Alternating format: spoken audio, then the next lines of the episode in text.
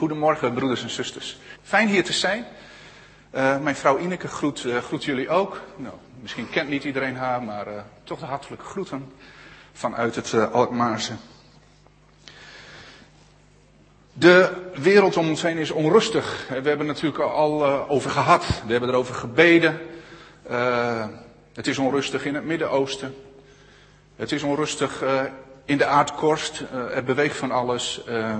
Mensen gaan daardoor dood en het schijnt, het lijkt wel of er uh, niks meer zo zeker is.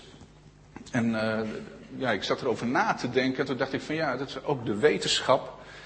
Zegt dat alles in beweging is. Het heelal, alles beweegt en het dijt uit. En sommige dingen krimpen weer in. Er schijnt niks meer vast te zijn. Maar gezegend zijn wij, want wij weten dat het profetische woord van God zeer vast is, staat in de Bijbel. Het woord van God is vast en Jezus Christus is onze rots en niet voor niks onze rots. Hij is vast. En te midden van die, van die grote bewegingen in deze wereld, waar we ons best wel zorgen om maken, wat we natuurlijk uh, ook, ook echt helemaal bij God mogen leggen, daar hoort het ook. Hij is onze God, hij heeft alles in zijn hand. Maar te midden van die woelige wereld is er nog iets waarvan God zegt dat is stabiel, dat is vast. En dat is zijn gemeente. Wist u dat? Ja, want op deze Petra, op deze rots, zal ik mijn gemeente bouwen, zegt Jezus. En soms denken we wel eens van ja, wat, wat, wat, ja, hebben we het idee dat in de gemeente ook van alles onrustig kan zijn. Hè? Maar dat doen wij mensen. God werk, Gods werk in de gemeente is zo vast als een huis.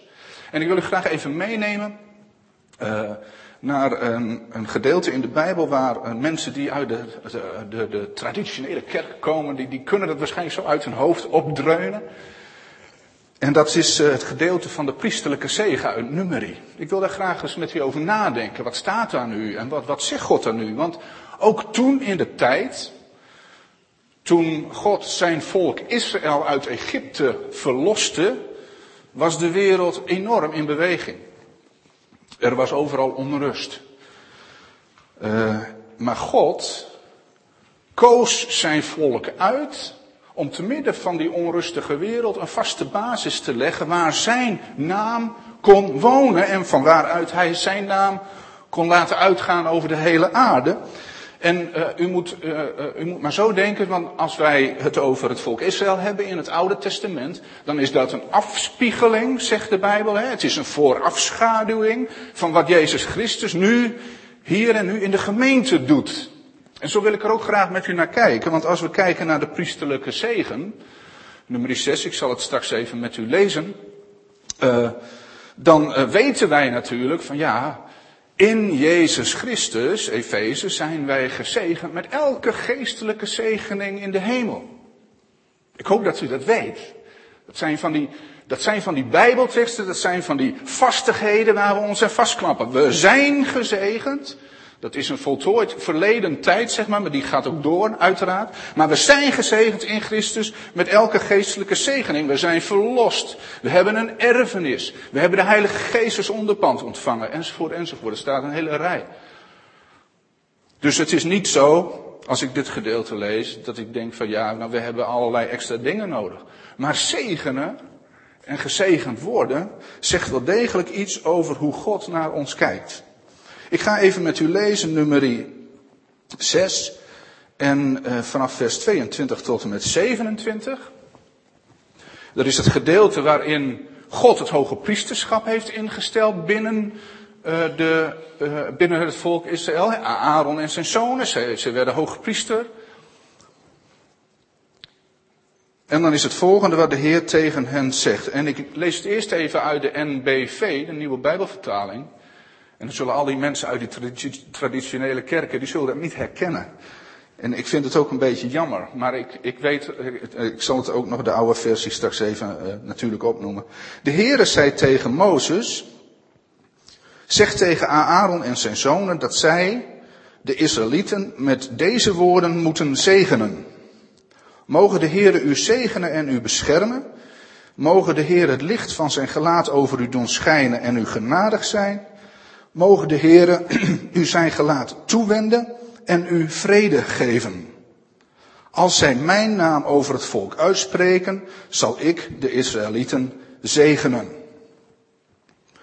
Dus de Heere zegt tegen Mozes, zeg tegen Aaron en zijn zonen dat zij de Israëlieten met deze woorden moeten zegenen. Nou, er staat niet zo, zo bij van hoe vaak dat dan gebeurde. Er zijn wel aanwijzingen voor.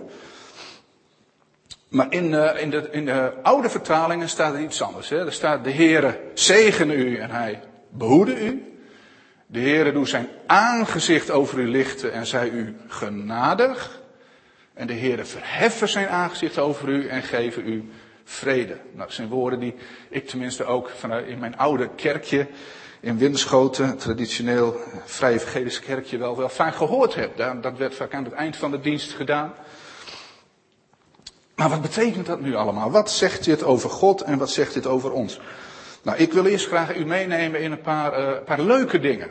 Uh, die je in het Hebreeuws terugvindt. En dat is dat deze zegen is opgebouwd uit drie, uh, drie zinnen. Het zijn drie regels. Hè? De is zegen en behoede u. Dat is één. De Heer doet zijn aanzicht over u licht en zij u genadig. Twee. En de laatste is dat de Heer zijn aangezicht over je verheft en vrede geeft. Nou, dat is drie zinnen. Kijk, het, uh, het Hebreeuws kent uh, de getallensymboliek wel degelijk. Hè? Het is niet zo dat je daar dan helemaal van uh, uit je bol moet gaan en hele, allerlei interessante dingen moet gaan zien te vinden. Maar het getal drie is natuurlijk duidelijk. Het heeft iets te maken met drie eenheid, zou je kunnen zeggen. Maar op de derde dag, zie je vaker in de Bijbel, gebeurt er iets. Namelijk, dat is een, een, een getal wat, wat betekent dat, dat de Heer is opgestaan. Het betekent verlossing, een opstanding. Dus deze drie zinnen, dat het in drie is, heeft wel degelijk een betekenis, namelijk dat God verlost, dat Hij er is, dat er redding is. En dat blijkt ook uit de inhoud. Er is nog iets uh, eigenaars aan de hand, eigenaardigs aan de hand.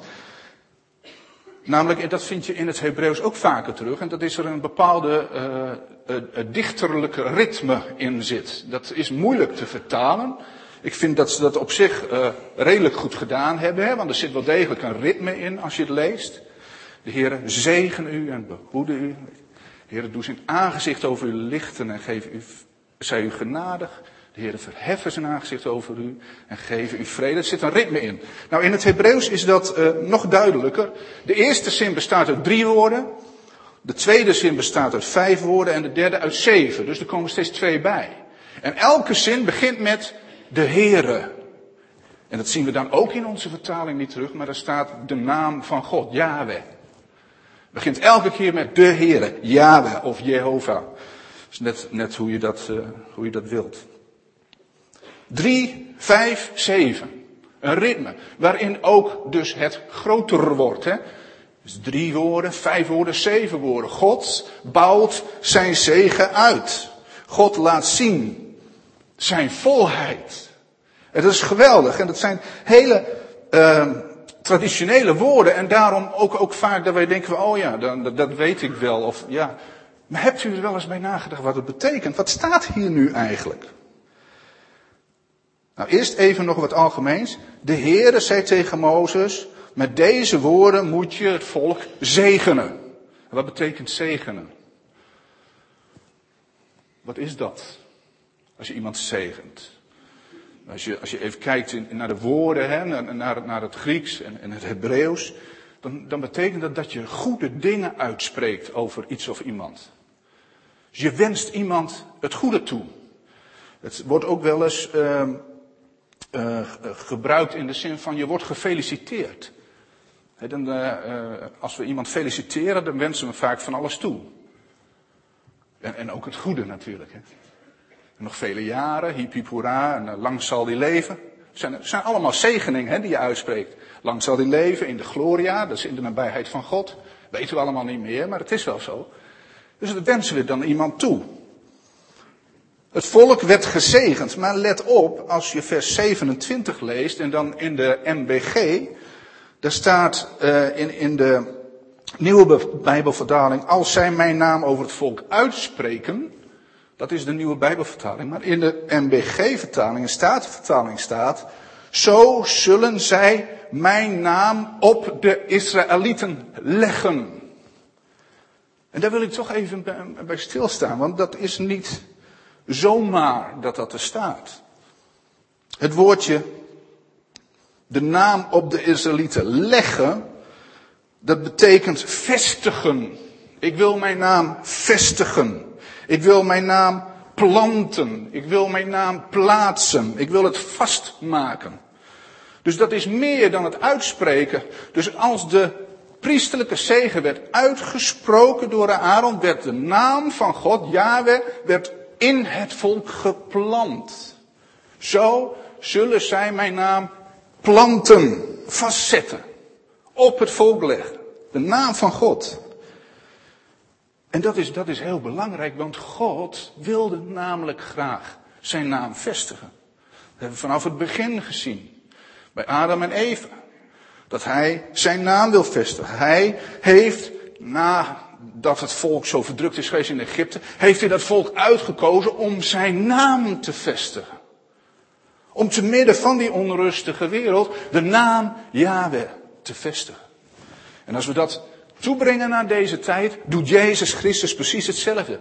Want hij heeft zijn gemeente verlost uit Egypte, uit de slavernij, om zijn naam te vestigen. Toch? Om zijn naam te vestigen. Wij zijn namelijk christenen.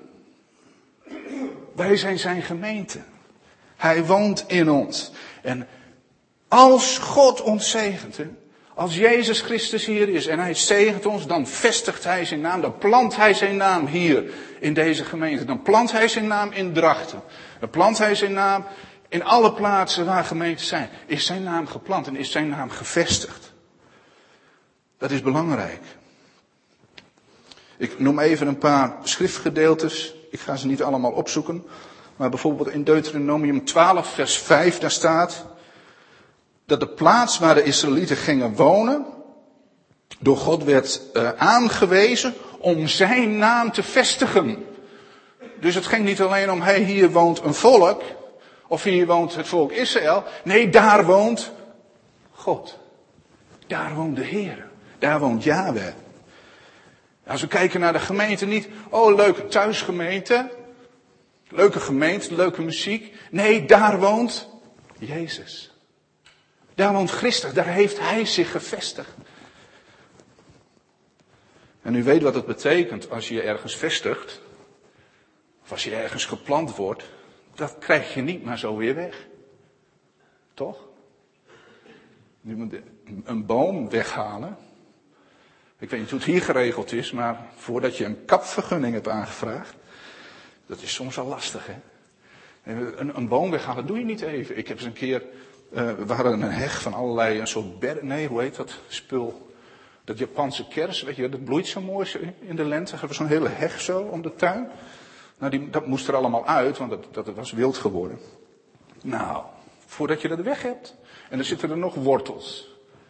En soms denken wij van, dat, dat, dat de gemeente, dat die, ja, wat zwakjes is en dat die zomaar, uh, dat er van alles mee kan gebeuren. Nee, echt niet. We zijn geplant in Jezus Christus en Hij heeft zijn naam geplant in ons. We zijn sterk.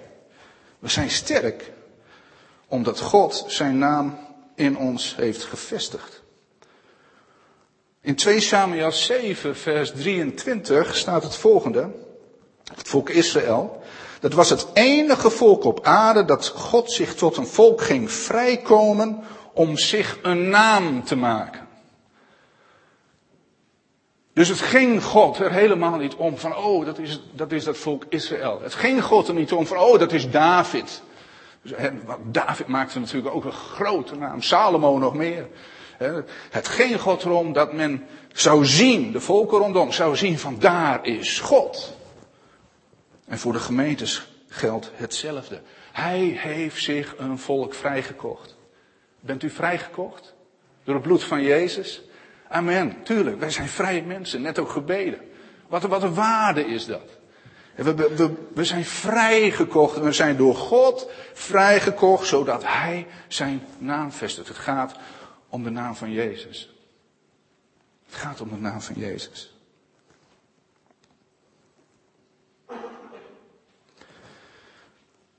Zegenen betekent dat het goede wordt uitgesproken. Nou, ik ga met u even inzoomen op die drie dingen die hier worden genoemd. Je zou kunnen zeggen, de opening is een algemene. De Heere zegen u en hij behoede u. Dus de Heere zegent je, maar hij beschermt je ook. Behoeden betekent beschermen. Dus waar de Heere komt, de Heere komt met een zegen naar je toe. Hij zegent je, maar hij beschermt je ook. Nou, daar word ik al helemaal warm van. Dat, dat, dat begin. De Heere zegent je en hij beschermt je. Daar kun, je, daar kun je mee verder, toch? Dat is heerlijk om te weten. Dat is de waarheid van het woord van God. En als u gered bent, verlost bent door het bloed van Jezus, dan zegent hij je en hij beschermt je. Dat is niet een misschien en dat is niet een ja maar. Dat is het woord dat zeer vast is. Hij zegent je en hij beschermt je. Nou, die zegen en die bescherming, die worden eigenlijk in die volgende twee zinnen nader geduid. Nader aangegeven. De zegen zien we in het tweede deel. Het beschermen zien we vooral in het derde deel. De zegen zien we erin dat er staat, de Heere doet zijn aangezicht over je lichten en zij je genadig. Dat is een enorme zegen. Ik ga er straks even iets verder op in. Het beschermen zit er vooral in dat de Heer zijn aangezicht over je verheft en je vrede geeft. Want vrede is een enorme bescherming. Goed. De aanwezigheid van God te midden van zijn volk en deze wereld.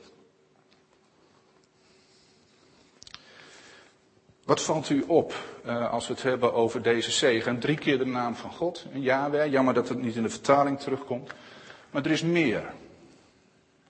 Waar gaat het, wat staat hier eigenlijk centraal naast die naam van God? Wat komt nou steeds terug? Dat is zijn aangezicht. Zijn aangezicht. Uw lieflijk aangezicht zal ik altijd voor mij zien. Kent u dat liedje niet? mooi, mooi lied. Het aangezicht, het gaat om het aangezicht van God. Het aangezicht. Um, het aangezicht van, van Jezus. Het aangezicht van God. Ik heb daar over nagedacht van hoe kun je nu, nu een beetje tastbaar maken, maar ik kan het niet.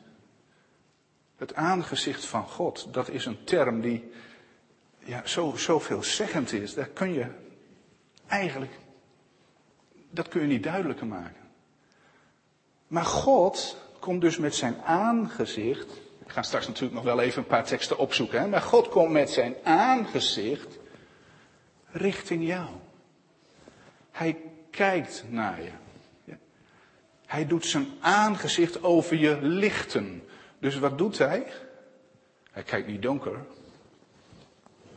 Doet niet goed. Hij doet zijn aangezicht over je lichten. Hij lacht. Mag je dat zo zeggen?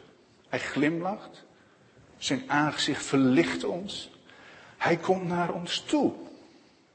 Dat is een liefdevol en genadig God. Hij schijnt zijn licht. God is licht en hij schijnt zijn licht op ons. Hij doet zijn aangezicht over ons lichten. We komen dus, en dat is, dat is een uh, hele ja, diepe, vind ik, van deze zegen. We komen dus in het licht van God te staan. Oh, maar dat is ook wel een beetje eng. Ik hoorde net ook in het gebed over de modder en het zand en al dat soort dingen. Zo is het ook. En zo voelen we dat soms ook. Maar als ik in het licht van God kom te staan, dan ziet Hij alles. En dat, ja, het geeft ons niet altijd een even goed gevoel. Want als wij in het licht wandelen, is voor God niks verborgen. Voor God is nooit iets verborgen, maar als wij bewust in het licht wandelen, geven wij ons helemaal over. En zeggen we, Heer, ik heb vieze voeten. Heer, ik heb nare gebreken, ik heb uh, nare karaktertrekken. Ik doe dingen niet goed. Maar hier ben ik.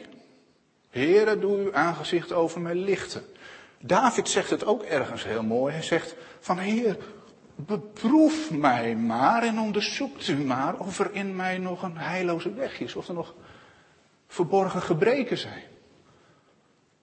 Bekijkt u dat maar. En dat is als, als, een, als er in de zegen wordt gezegd dat God zijn aangezicht over je doet lichten, betekent dat je met je hele hebben en houden in het licht van Christus komt. En dan hebben wij genade nodig. Toch? Want als God ons ziet zoals we werkelijk zijn, zouden we met angst en beven tot in de diepste hoek willen wegduiken. Want God is zo heilig en wij zijn zo kwetsbaar en, onheilig. Maar dan, daarom staat er ook, de Heer doet zijn aangezicht over u lichten en hij zei je genadig. Nou, en wat een voorrecht dat, dat, uh, dat we door het bloed van Jezus Christus, door zijn volbrachte werk, alle genade hebben ontvangen die we nodig hebben. Het is helemaal compleet, het werk van Jezus. Hij heeft zijn bloed voor u gegeven. En als u dat met hart en ziel hebt aangenomen, bent u een gereinigd mens. En hoef je niet bang te zijn. Dan staat er in het woord dat je met vrijmoedigheid tot God mag komen. Heere, uw lieflijk aangezicht wil ik altijd voor me zien. Hier ben ik, Heer. Dat kan alleen op grond van het volbrachte werk van Jezus. Dat kan alleen op grond van het volbrachte werk van Jezus. Ik zeg het wel eens vaker, als het volbrachte werk van Jezus er niet was, of er niet zou zijn, zou ik niet hier durven staan. Zou ik niks uit de Bijbel willen zeggen. Want alles wat ik zeg, wordt tegen mij gebruikt. Ja, door de aanklager, hè, de Satan. En zal zeggen van ja, dat heb je mooi gezegd, maar kijk nou eens naar jezelf. En nu kan ik zeggen van, weet ik. Maar ik heb Jezus Christus. Die heeft mij verlost, hij heeft mij gereinigd. Ik hoef niet bang te zijn. Ik hoef niet bang te zijn. Ik mag in het licht van God komen. Sterker nog, we worden opgeroepen om in het licht van God te komen. Ik blader even met u naar 1 Johannes. 1, dat is een heel bekend gedeelte, maar het is heel mooi om dat in verband te brengen met, eh, met de zegen. De Heere doet zijn aangezicht over u lichten en zij u genadig. Daar zijn we mee bezig. In de eerste brief van Johannes, in het eerste hoofdstuk, staat het volgende.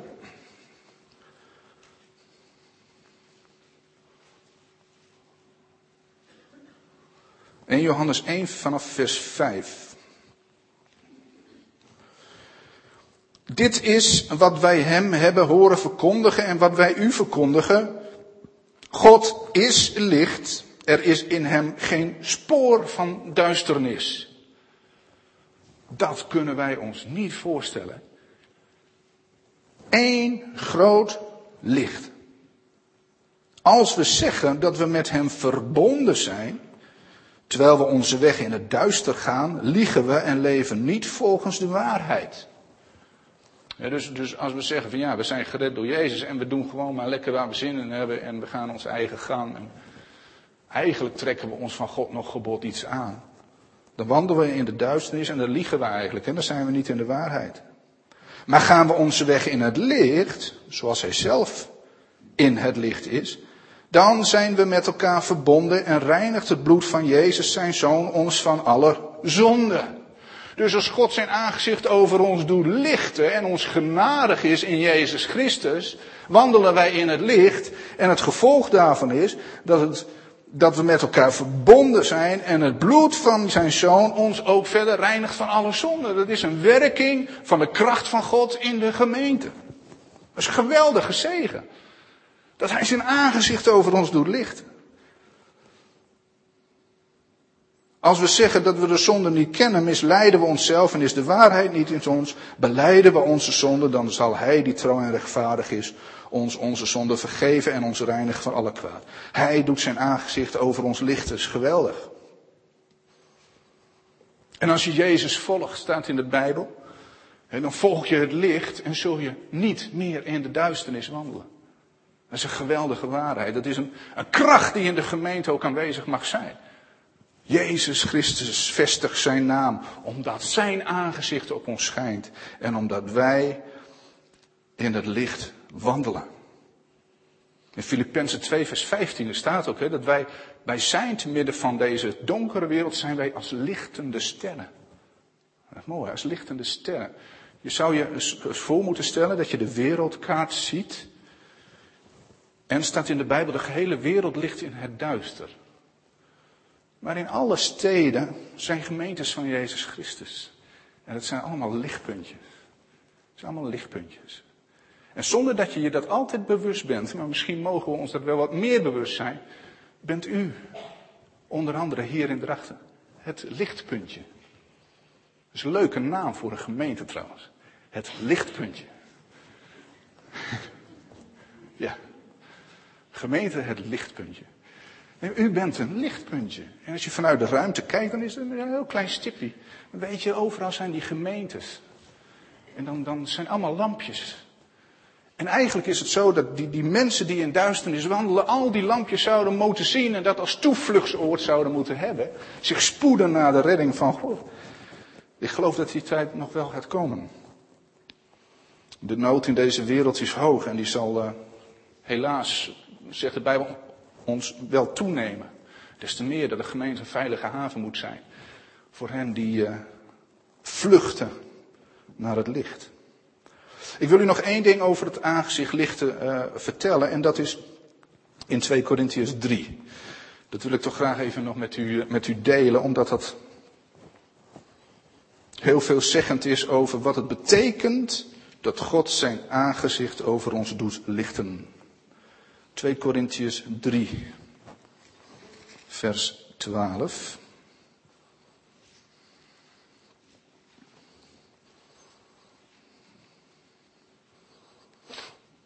Even kijken hoor. Ja, ik lees het toch even, even met u door. Vanaf vers 12. Dit is onze hoop en daarom handelen we in alle openheid. En daar heeft Paulus het over zijn bediening. Hè? Dus hoop is in Christus. We handelen in alle openheid. We zijn niet als Mozes die zijn gezicht met een sluier bedekte. Zodat de Israëlieten niet konden zien dat de glans verdween. Kijk, toen Mozes God had ontmoet, glansde zijn hele aangezicht. Hè? Hij had het, het licht van God had hij opgenomen en hij straalde het helemaal uit. En het volk Israël kon dat niet aanzien. Hun denken verstarde en dezelfde sluier ligt tot op de dag van vandaag over het oude verbond wanneer het voorgelezen wordt. Het volk is blind. Dus het volk Israël is blind. Alleen als je tot Christus komt, dan wordt het weggenomen, staat er dan. Hij wordt alleen in Christus weggenomen. Dus je wordt alleen ziende in Christus. Dan ga je de Bijbel begrijpen. Tot op de dag van vandaag ligt er een sluier over hun hart, telkens als de wet van Mozes wordt voorgelezen. Maar telkens als iemand zich tot de Heer wendt, wordt de sluier weggenomen. Dat geldt voor het volk Israël, maar dat geldt uiteraard ook voor, uh, voor de niet-Joden. Dat geldt ook voor de heidenen, die zien ook God niet. Ze hebben geen idee. Jezus, wie is dat? Ja, zijn naam wordt vaak genoemd, maar dan niet in de positieve zin. De naam wordt veel misbruikt. De Bijbel, wat is dat? Ja, een oud boek.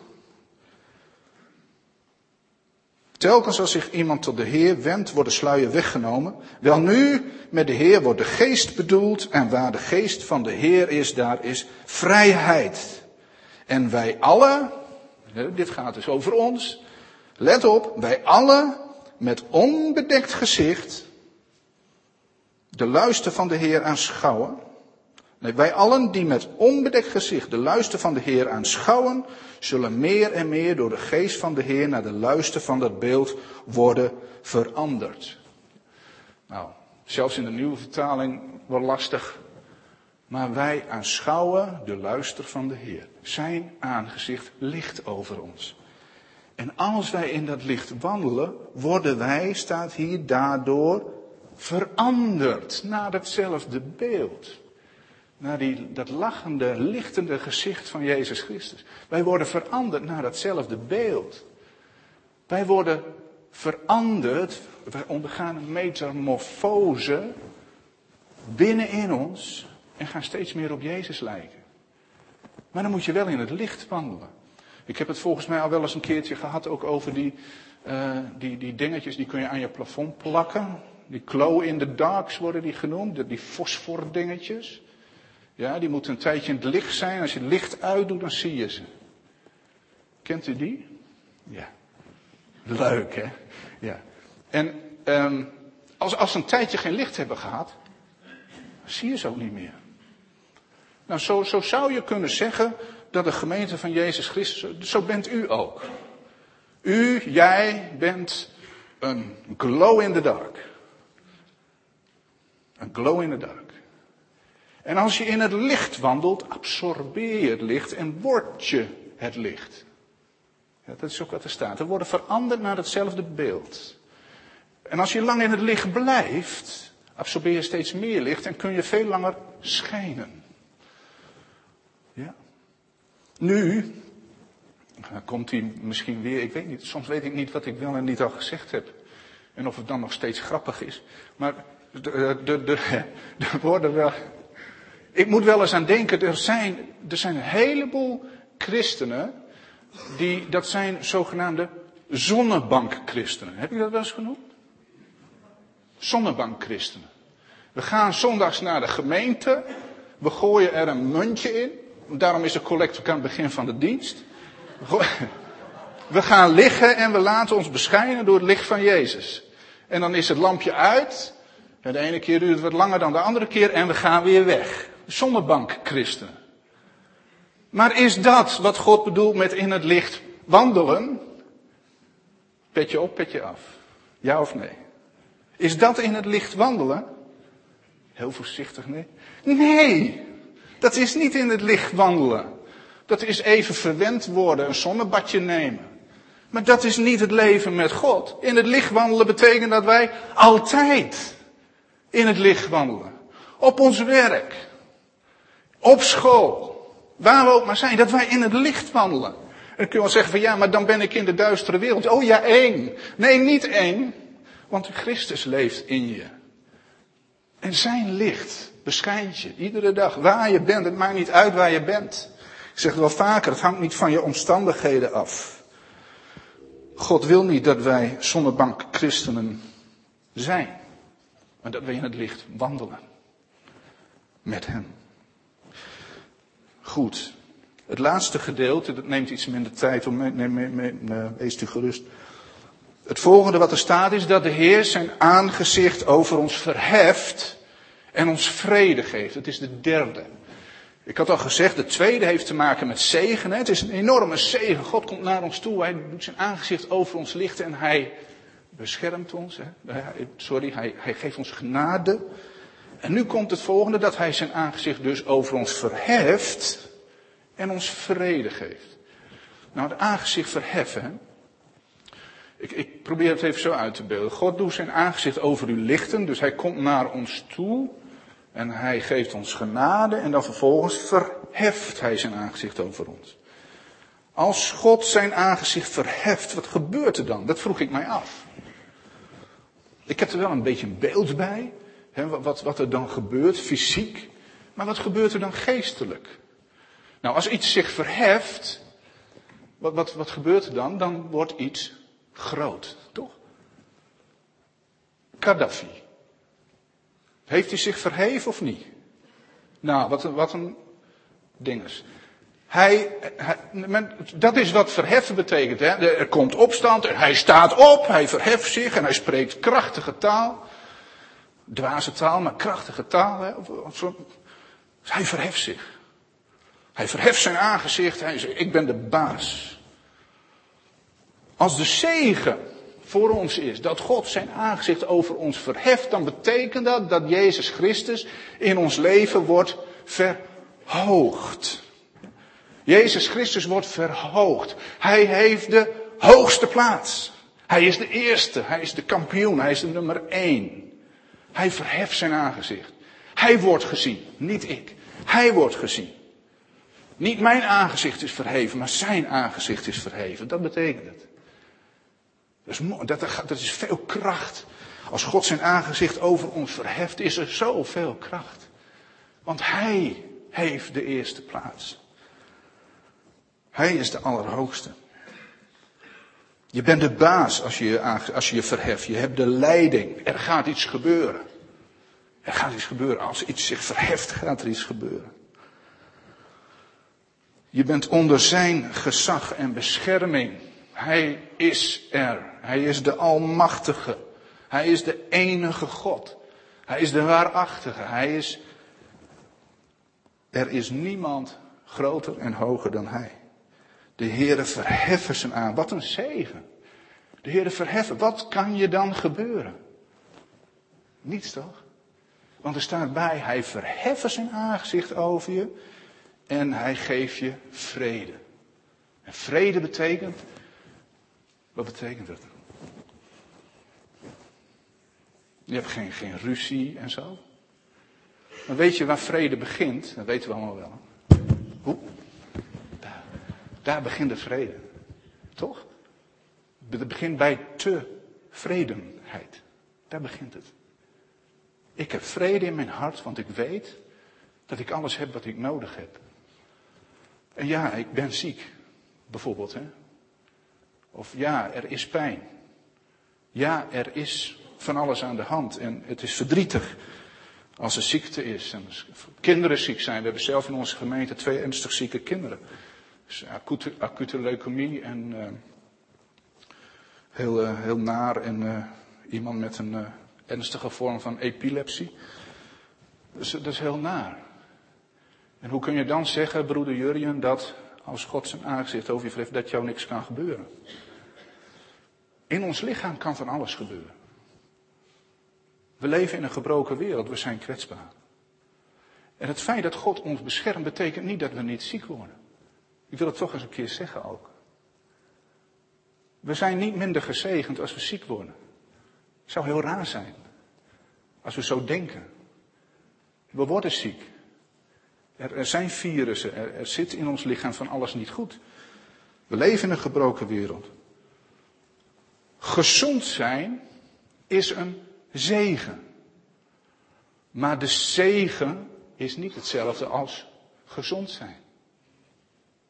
Bent u dat met mij eens? De zegen is veel meer.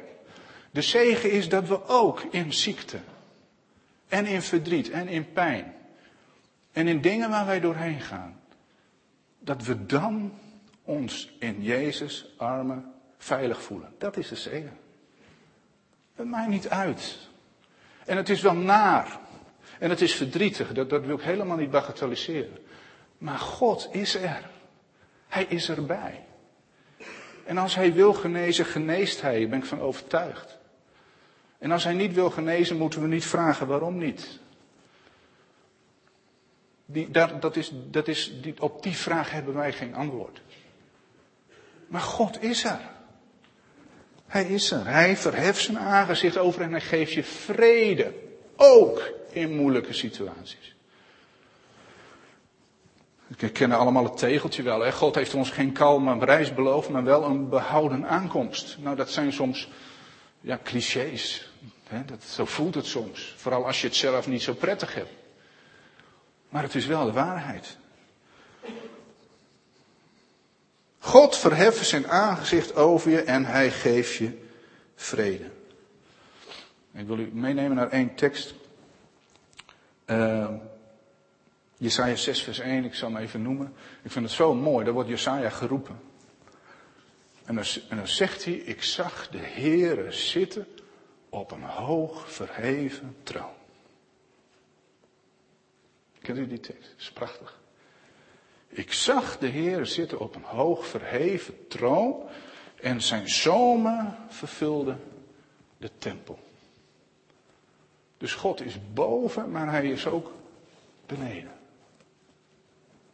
Nou, waar staat Gods troon? In de hemel?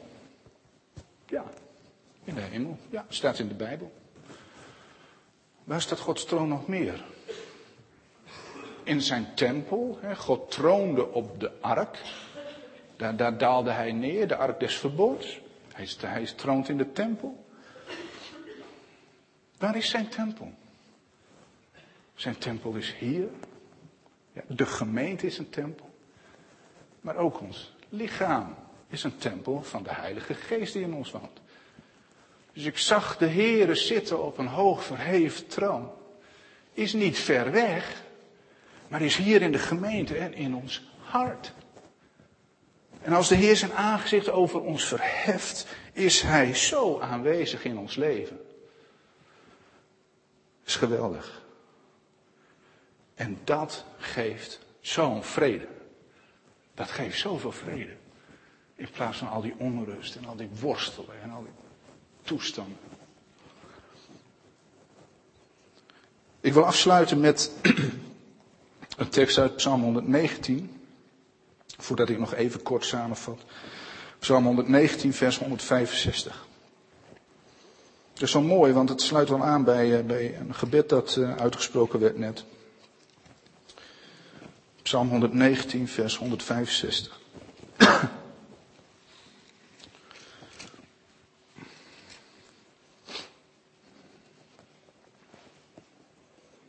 Vrede, hè? hij geeft ons vrede, hij beschermt ons.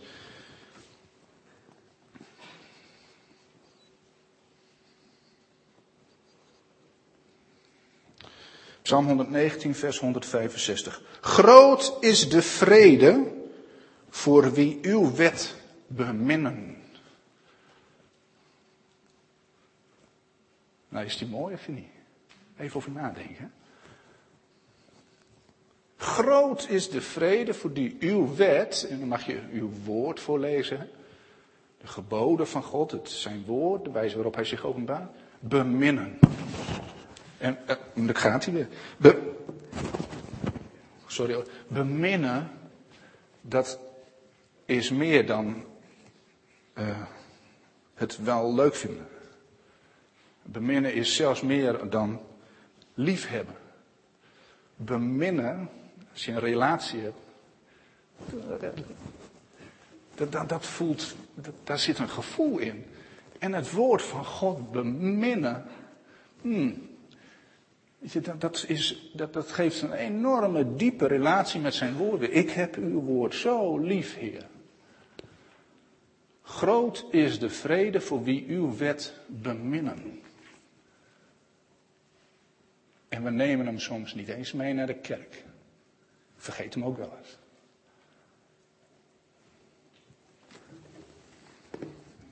Groot is de vrede voor wie uw wet beminnen. Houd van het woord van God, mensen. En als je dat lastig vindt, ook moeilijk, omdat het toch niet, niet allemaal even makkelijk te begrijpen is, lees lees. Ik, echt waar, ik ben echt de slimste niet. Ik, toen ik uh, tot geloof kwam, ik was een jaar of 17, dat ik heel bewust ermee bezig was. Ik ging lezen. Ik zei, God, ik snap hier niks van. Ik snap er echt helemaal niks van. Begrijp het niet. Weet je wat er toen ging gebeuren? Ik bleef lezen. En langzamerhand ging ik het begrijpen. Weet je wel waarom? Omdat als je geloof hebt in God. En dat zijn woord waarheid is. En je zegt even, ik snap er niks van. Helpt u mij om het te begrijpen? Komt hij ons te hulp? Toch? Uiteraard, dat is ook wat in het woord staat. als wij het niet weten, hij komt ons te hulp. En als zijn geest in ons komt wonen, legt hij ons het woord uit. Maar u moet het wel tot u nemen, u moet het wel beminnen. En hoeveel meer je gaat lezen, Hoeveel meer je erin verdiept, des te meer ga je ervan houden. Want weet je, Jezus Christus is het woord. We houden van Hem. Nou, de priesterlijke zegen. Ik hoop dat ik u er iets uh, warms mee heb kunnen meegeven. Dat is een geweldige genade van God. Hij zegent ons, hij behoedt ons. Hij doet zijn aangezicht over ons lichten, hij komt naar ons toe. En hij is ons genadig in Jezus. En hij verheft zijn aangezicht over ons en geeft ons vrede. Wat wil je nog meer? Amen.